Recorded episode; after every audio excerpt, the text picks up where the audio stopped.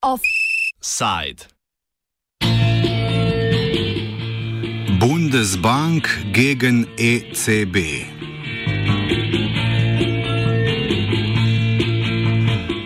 Nemško ustavno sodišče je izreklo sodbo o ustavnosti delovanja programa odkupa državnih obveznic strani Evropske centralne banke.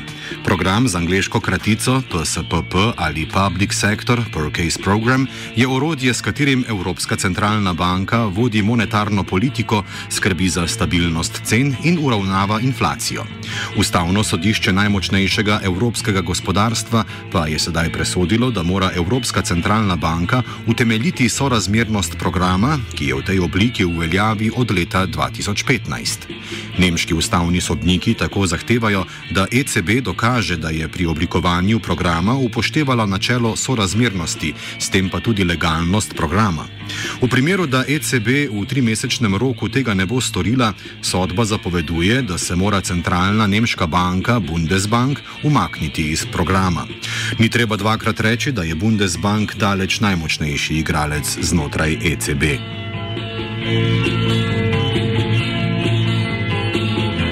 Ustavno sodišče tega sicer ni zatrdilo, da je program nelegalen, je pa razsodilo, da sta nemški parlament in zvezdna vlada ravnala narobe, ko po sprejetju tega programa iz leta 2015 nista zahtevala, da ECB argumentira svoje delovanje, saj posledično ni bilo dovolj političnega nadzora nad programom.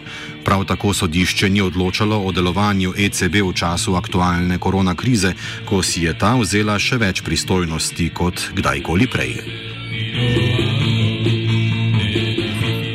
Odločitev Nemškega ustavnega sodišča je v nasprotju z odločitvijo sodišča Evropske unije, ki je presodilo, da je program usklajen z evropskim pravom in da mu ni treba upoštevati kriterija sorazmernosti ukrepov.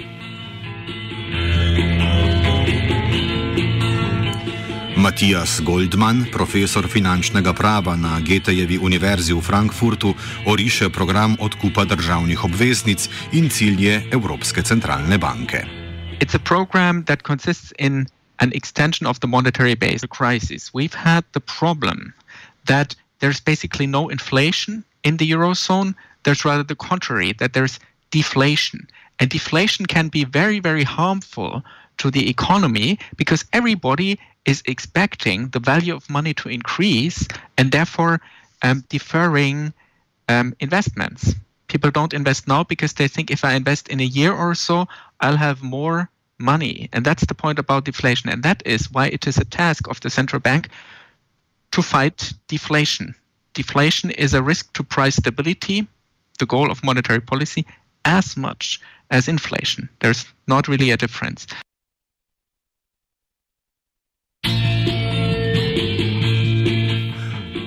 Odpravljanje deflacije bi bilo v preteklosti mogoče z nižanjem obrestnih mir, vendar so te sedaj ničelne ali negativne. Goldman predstavi alternativni ukrep Evropske centralne banke, torej kvantitativno sproščanje. Our interest rates are already pretty low. They're historically low, as low as they've never been. They're at zero or even in the negative. Um, and that means that you can't further lower the interest rate. What he can do instead, and that's exactly what the European Central Bank has been doing with this program that has been on trial, um, it has expanded the amount of money that it puts on the market. So you can put um, additional money at the same interest, at the same very low interest rate on the market. For example, if you decide to simply buy more assets from the banks. Like uh, the central bank doesn't buy assets from normal people, but it buys assets from banks. It only um, enters transactions with commercial banks because they're the ones that receive fresh money. Then um, the central bank can decide what it what you know what it what it uh, wants to buy, whether it, and how much it wants to buy, and it can increase the quantity it wants to buy. So so far they only defined an interest rate, and then they saw how much could they sell by that on on the basis of that interest rate. But now they say, well, at the given interest rate, at the given very low interest rate, we're going to buy even more. And we're buying also additional assets like commercial paper. Like that's you know that's bonds that have been issued by enterprises, or um, uh, something like um, um, shares, or as it uh, for the most part as it is uh, uh treasuries and even treasuries. So that means you know official sovereign debt, and even sovereign debt that might not have the quality that, that we normally want. So they've they've lowered their quality requirements a little bit, yeah, just a little bit. Not it's uh, there are still requirements in place. So um, yeah, they're they're just trying to uh, put more money on the market and hope that this will trigger economic activity. Evropska centralna banka je še vedno delujoči program odkupovanja državnih obveznic zagnala leta 2015. Istega leta je skupina ekonomistov vložila pobudo za ustavno presojo tega programa. Kdo so bili tožniki in kakšna je bila njihova kritika tega programa? They are hardcore monetarists.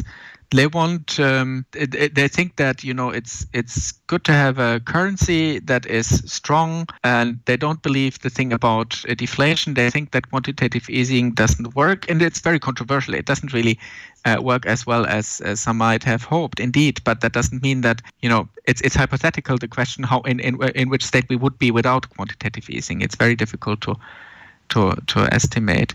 Uh, anyway so they, their their hard currency um, people, they want a preference for the interests of savers and of capitalists and of the rich people. Let's let's be very clear about that.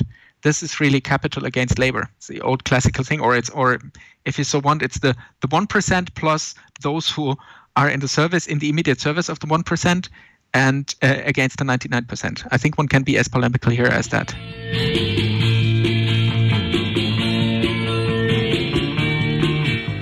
Slaba stran kvantitativnega sproščanja je tudi, da rezultati niso gotovi, saj je povezava med dejanji Evropske centralne banke in višino inflacije le posredna. The connection, and that is part of the difficulty, the connection between how much money they put on the market and the end result, i.e., how much inflation or how little inflation there will be, is not a direct one. It's a very indirect connection because uh, the money that the central bank puts on the on the market is only a tiny fraction of the entire market on uh, the entire money on the market because banks by giving credit can also produce a form of money yeah and that is much more important for the entire amount of money on the economy and therefore for inflation and deflation and the central bank can control the quantity of money the price of money i.e. the interest rate and thereby inflation and deflation only very indirectly. And that is part of the difficulty. That is why they were experimenting or have been experimenting with quantitative easing. Osrčju ustavne odločitve je vprašanje sorazmernosti ukrepov, ki jo mora dokazati Evropska centralna banka. Pri vprašanju, čemu je namenjena monetarna politika, se namreč lomijo kopja različnih pogledov glede namena in ustvarjalca monetarne politike.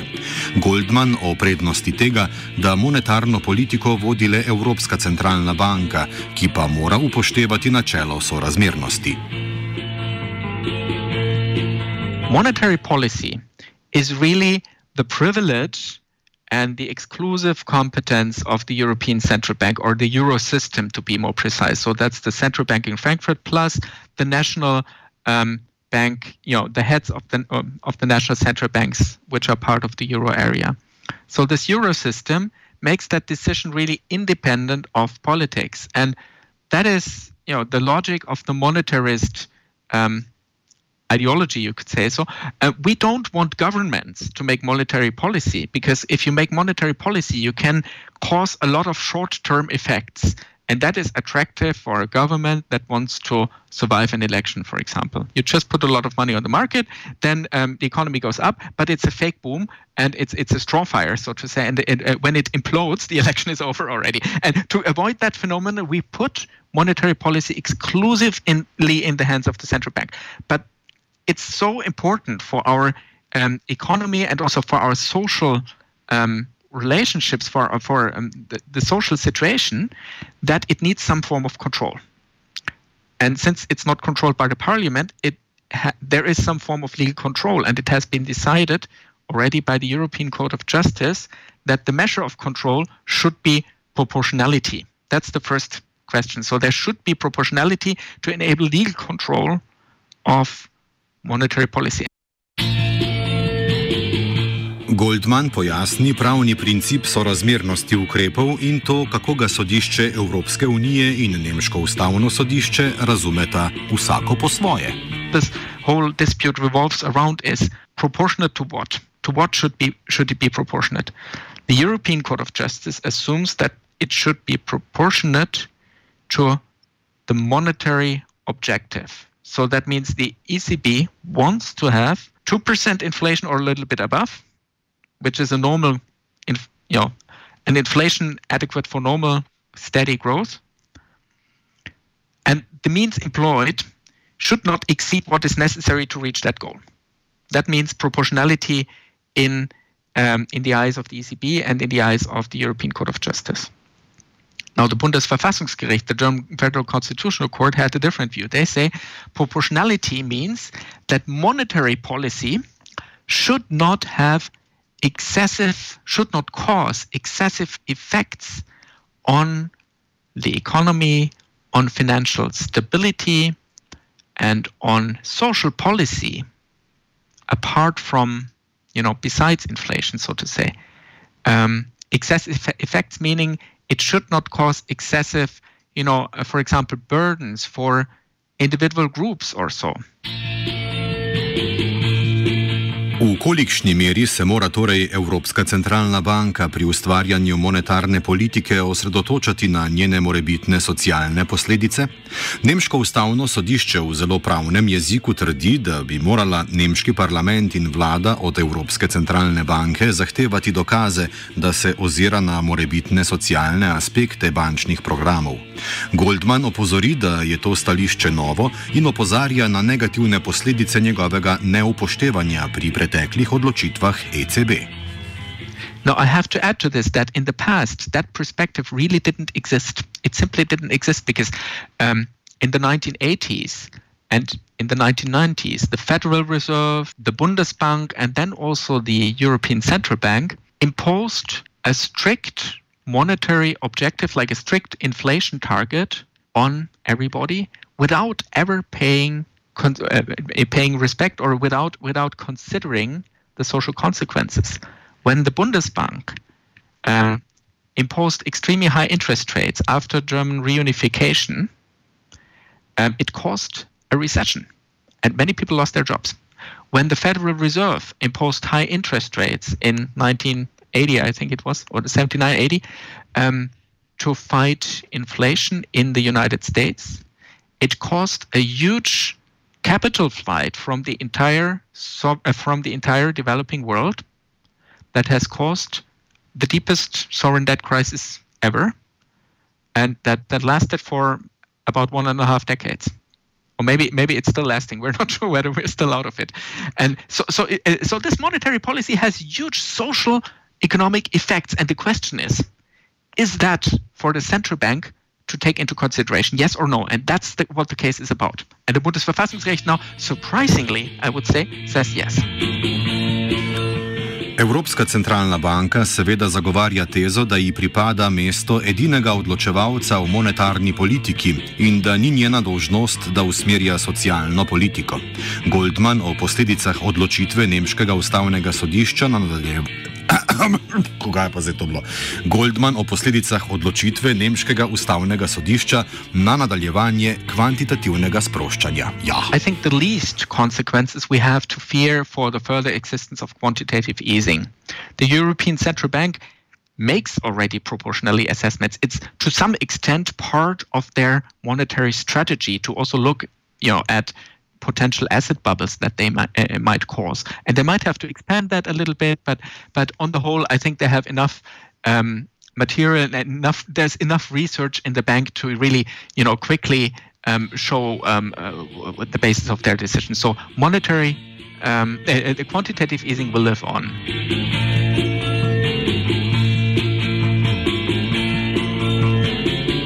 Glede na nestrinjanje Nemškega ustavnega sodišča in sodišča Evropske unije je možno pričakovati tudi več tožb Evropske centralne banke. Posledično pa je možno tudi, da bo morala ECB odločati o socialni politiki. There might be further litigation because once the European Central Bank goes into the business of weighting, for example, unemployment against um, the, the impact on, on, on savers, on savings. It really gets super problematic and many people will be unhappy. However you do that decision there will be a huge group of people that is unhappy with it and that might try to litigate it. That is actually the case why that is actually the reason why um, they haven't said anything about that so far. And when that happens um, when, when there is a lot of litigation, courts will have to make many decisions about social policy that normally government should take. So politically, I could imagine that in the long run, um, this decision might make it very difficult for the European Central Bank to continue to exist as an independent institution that uh, should not make social policy because they will make lots of social policy and there will be lots of litigation and then we will have fights about social policy in the courts instead of parliament. And that is a that is unacceptable i, I think still unacceptable so then the question is wouldn't we have to fundamentally revise our institutional framework and say that we uh, you know either strip the european central bank of its monetary policy competence and give that back to governments where it had been um, until after the Second World War in many you know um, liberal economies, so to say, um, or we democratize the European Central Bank and make it a second, um, like something like a second commission, yeah, that is you know that is, is elected on the basis of social policy program. Goldman opiše, kako bi takšna demokratizirana, izvoljena Evropska centralna banka delovala. Could be you, you could have a two pillar model or a one pillar model. One pillar model would be it's just the commission who does it, and the, or the commission could give directions, social policy related directions to um, to um, the central bank, or it could also be, you know, the council, and then you would have endless fighting between council, parliament, commission, etc. But we have that anyway, and and you know, then um, at least these questions are aligned with the general questions um, affecting the European Union, how to organize it more democratically. So I think that would be a good solution, and that's probably the more pro- that's the more probable probable one, and that's the historically known example. The historically unknown example would be to have an independent yet democratic central bank. Um, because we say we don't want to give monetary powers to politics, it can be abused.